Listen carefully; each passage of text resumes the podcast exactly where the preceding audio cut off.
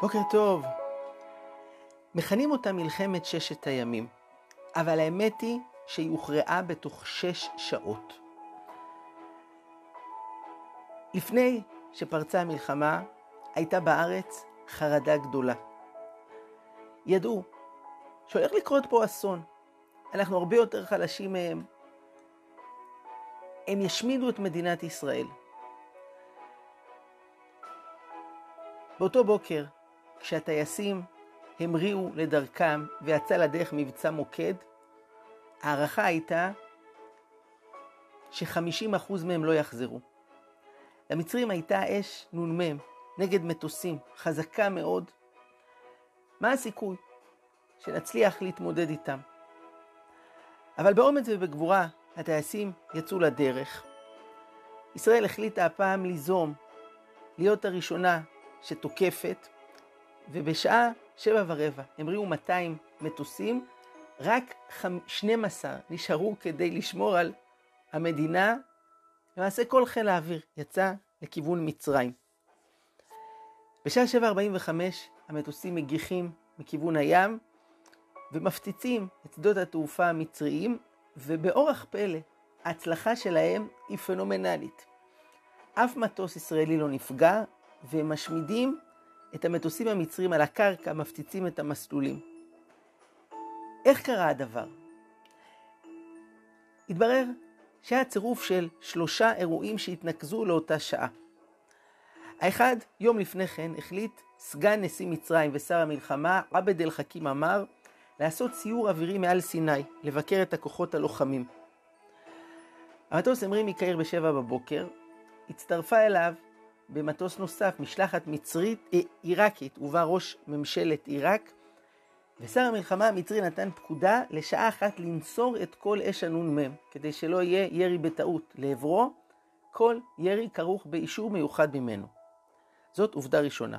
עובדה שנייה, בכל יום היו יוצאים ארבעה סיורים אוויריים של מטוסי מיג 21, ככה בכל שעה לאורך חוף הים התיכון. הצפי היה שאם תהיה התקפה ישראלית זה יהיה בשעות הבוקר. לכן שלושה סיורים יוצאים, אבל הסיור שהיה אמור לצאת בשבע וחצי בבוקר לא יוצא. מה קרה?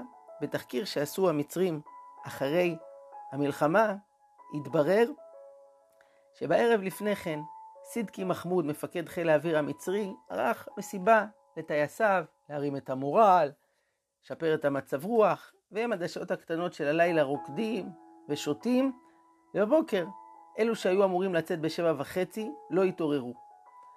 הסיור הקריטי, שאם היה יוצא, היה חושף את טייסי חיל האוויר הישראלי, לא יוצא.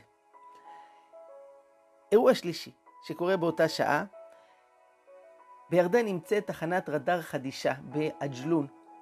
היא מוכפפת לצבא המצרי והיא סורקת את כל השטח של מדינת ישראל כדי להתריע בפני המצרים אם תהיה התקפה ישראלית. בשעה שבע ועשרים רואים על מסכי המקם 200 נקודות של אור נאות מישראל לכיוון מצרים. הם ישר משתמשים במילת הקוד כדי לבשר למצרים על ההתקפה הקרבה, והשדר אומר בקשר ענב, שזה ענבים, זה היה הקוד שסוכם. אבל אין תגובה מהצד השני. והוא חוזר, ענב, ענב, אין תגובה. מה זה? שוב ושוב הוא חוזר, אין תגובה. מתברר שביום שלפני כן היה החלפה, רענון של הקודים כדי למנוע את גילוים. אבל לא היה עדכון בצד השני על כל הפרטים, ומילת הקוד הזאת הושארה בירדן לפי הקוד הקודם, ובמצרים כבר היו מסונכרנים על הקוד החדש, ממילא לא הבינו מה הוא רוצה, מילה לא ברורה, מה המשמעות שלה. כל הדברים האלה התבררו בתחקיר שנעשה אחרי המלחמה, היו במצרים, בירדן, כאלה שהועמדו לדין, הודחו מדרגותיהם וישבו בכלא על המחדלים. אבל שלוש העובדות שתיארנו כאן, ומובאות בפירוט בספר המומלץ מגילת ששת הימים, של דוקטור חגי בן ארצי התרחשו באותה שעה, והמודיעין הישראלי לא יודע כלום לגביהם. טייסי ישראל יצאו לדרך במסירות נפש, ידעו שסיכוי גבוה שלא יחזרו, אבל כנראה מישהו משמיים חשב אחרת. באותה שעה מתרחשים שלושת הדברים. שר המלחמה המצרי יוצא לסיור ונוצרים את אש הנ"מ. הסיור של שבע וחצי של מטוסי המיג לא ממריא. שלוש, יש קצר בהבנה בין הרדאר הירדני באג'לון לבין המודיעין המצרי. התוצאה היא שתוך שש שעות, לא שישה ימים, מושמדים מאות מטוסים על הקרקע, שדות התעופה מנוטרלים, והניצחון שקורה בימים הקרובים הוא רק הדבר המתבקש לאור ההצלחה המזהירה הזו. לא שישה ימים, שש שעות. קרה הנס הגדול שמתרחש בימים האלו.